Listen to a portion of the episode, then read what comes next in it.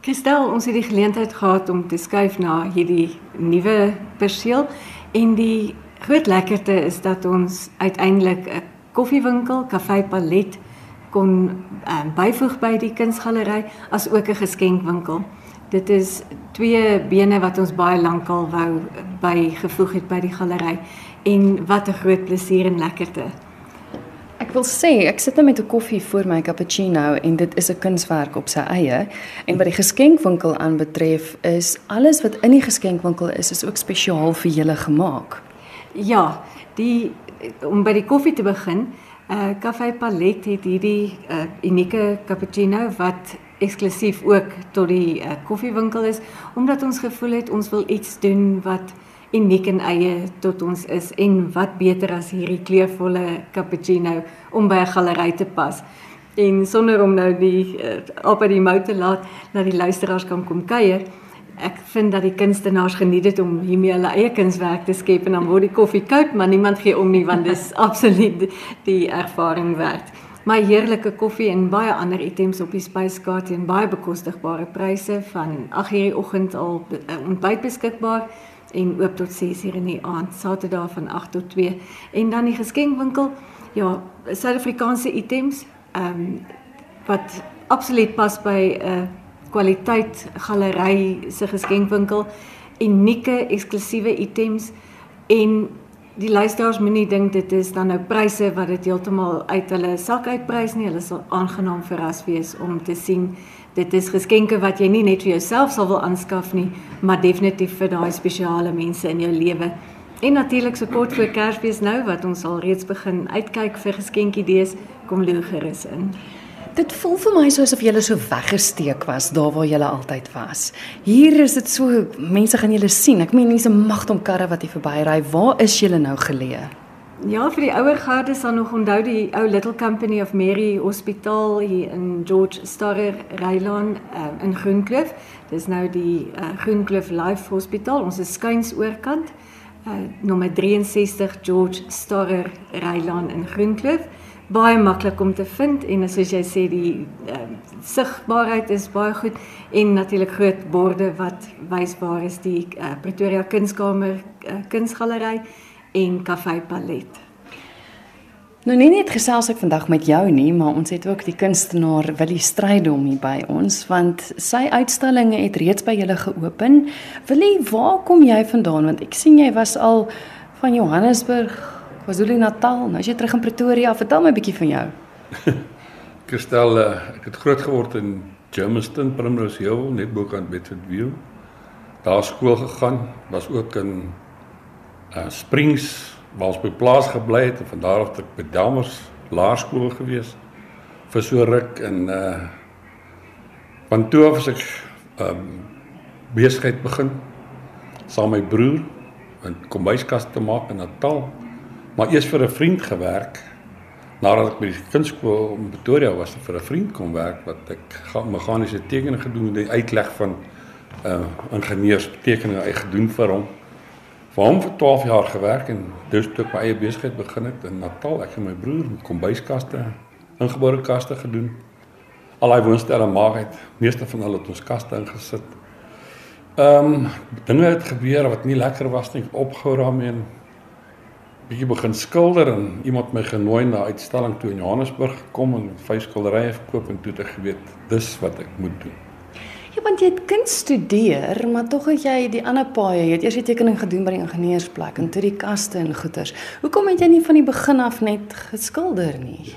Ek stel is 'n baie goeie vraag want uh, ek vra myself hoekom hoe het ek nie maar my antwoord aan jou was dat hoe ons groot geword het. Was vir jou gesê daar is nie 'n beroep soos 'n kunstenaar nie. En almal het dit afgeskiet. Jy kan nie dit gaan doen vir want almal het gesê moet sekuriteit hê, moet vir 'n tyd of vir die staat of vir 'n bank gaan werk. Om 'n voorbeeld te gee toe ek die weermag uitgekom het, het ek klaar werk gehad, nie eens aangesoek nie. My pa het my werk gekry by 'n bank en ek het dit gehaat. Hmm. En dis wat hulle gehad, jy moet sekuriteit hê. Maar ek kan verstaan waar hulle vandaan kom. Hulle het maar baie arm groot geword en sekuriteit was vir hulle alles. Ehm um, ek is baie dankbaar dat ek vandag doen wat ek doen alhoewel ek baie keer terugdink wat sou dit gewees het as ek geskilder het vandat ek uit skool uit is. Maar ek het ook baie ondervinding opgedoen met besigheid en waar ek was en waar ek gewerk het sodat my baie gehelp in die kunsbedryf. Voordat ek begin voltyds skilder, het ek eers 'n groot studie gaan doen van wat verwag verwag word van 'n kunstenaar en hoe gaan hy 'n bestaan maak? Want baie mense sukkel geweldig baie. Maar is ook uh, as jy baie tyd daaraan sit, gaan jy suksesvol wees en ek het uh, bewys daarvan man. Ek het baie ure, baie ure gesit en geskilder en en ek het eendag iets gehoor dat iemand gesê as jy 10000 ure aan 'n ding spandeer, moet jy suksesvol wees en dit is absoluut die waarheid. Ek kan sommer sien jy is nou gelukkig. Jy doen nou wat jy eintlik lankal wou gedoen het en jou werk weerspieël dit vir my. Daar's 'n rustigheid en spesifiek nou die werk wat nou by Alet hulle te sien is. Dis dis plaas omgewing. Um, Daai rustigheid. Kom dit net kry jy dit natuurlik reg om dit in jou werk in te kry? Is dit 'n ingesteldheid of is dit die omgewing wat 'n rol speel? Ehm um, gestel ek het uh, van jongs af het ek waarnemingsvermoë gehad. Ek kan goed sien en onthou en ek het baie skilderye nog in my kop. Ek hoef nie van fotos af te werk nie. Ek kyk na fotos maar ek sit dit weg. Ek werk glad nie van 'n materiaal af nie. Ek doen dit meestal uit my kop. Behalwe as iemand my vra vir 'n miljoen skilder dan proporsioneel moet hy 100% reg wees anders dan lyk dit net nie goed nie. Maar ehm um, vir my is dit plaas groot geword elke vakansie was ek in Zimbabwe by my oom op sy plaas gewees vier keer 'n jaar van standaard omtrent 9 jaar oud tot ek omtriek was so altyd op 'n plaas omgewing gewees altyd ehm um, soos jy self sien bloekombome is maar deel van ons want ons ken hulle goed. Ons het boomhuise en goed gebou so ehm um, maar dis vir ons Afrikaners ons is lief lief vir die plase ons hou daarvan Maar tog kan jy eintlik enigiets doen want net om die hoek is daar vier skilderye van die pragtigste bote wat jy geverf het en ek weet ek het op die webwerf ook gaan kyk en 'n klomp Bo-Kaap inspirasie distrik 6 so jy skilder eintlik byt. Ja, ek is ek is ongelukkig jou van nou as ek reg gou verveeld. so ek moet heeltyd iets anders te probeer en ek kan nie net een tema as ek weet dat baie kunstenaars is bekend as net landskapskilders of net dit En de, iemand het my gevra, "Jy soek net dit." Ek sê vir my, "Sorry, ek kan dit doen nie want ek raak net gou verveeld. Ek moet 'n wye spektrum kan doen." En dit is altyd 'n uitdaging vir my om te kyk of ek dit reg kan kry.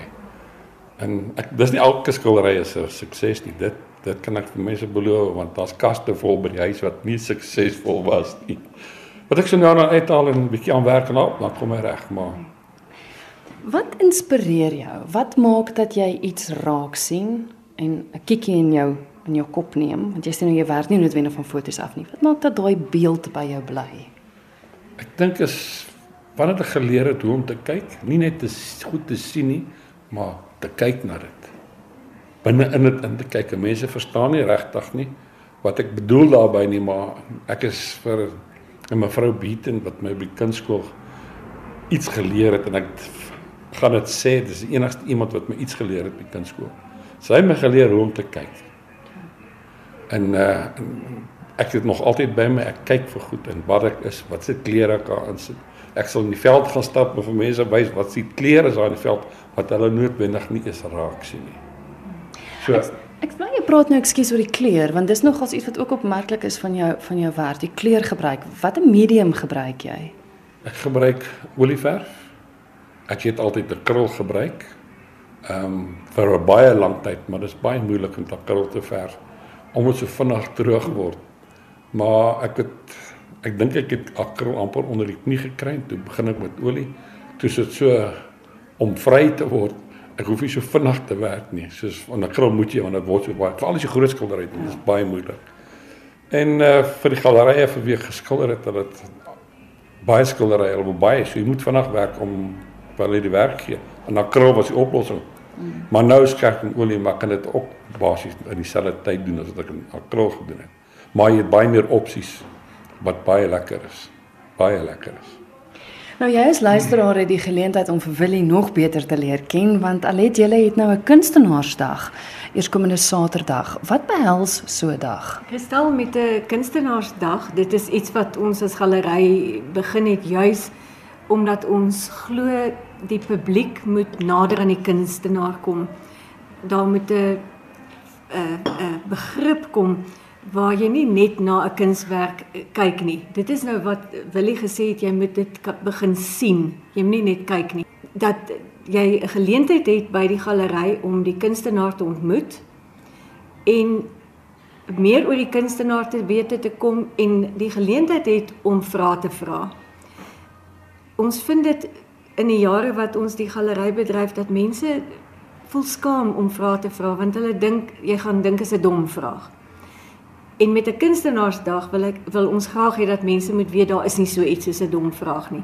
Jy kan vir ons op die vloer of dan vir die kunstenaar enige iets vra wat jy wil weet oor sy werk, oor kuns in die algemeen om vir jou in 'n posisie te plaas waar jy 'n ingeligte besluit kan neem oor daai werk en met die regte kunswerk vir jou behoeftes huis toe te kan gaan. Al kom jy net om jou kennis te verbreek, om meer ondervinding op te doen en die kunstenaar te leer ken en sy werk te verstaan. Dit is 'n wonderlike gesellige geleentheid. Dit is gratis en ons galery is rolstoelvriendelik, troeteldiervriendelik, kindervriendelik. Ons weet Saterdag is 'n gesinsdag. So kom as 'n gesin, geniet die oggend saam met ons. Uh, ons ure is wel van 9 tot 2. Die kunstenaarsgeleentheid is van 11 tot 1.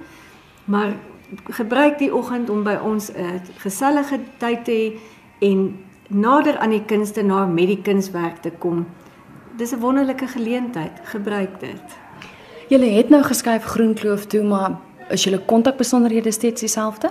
Ons kontakbesonderhede is dieselfde. Ons kan geskakel word by 012 346 0728 en ons word maklik gevind op sosiale media, Twitter, Instagram, Facebook, ehm um, onder Alet Bester of Pretoria Kunskamer Art Gallery en ons webadres um, onder Pretoria Kunskamer.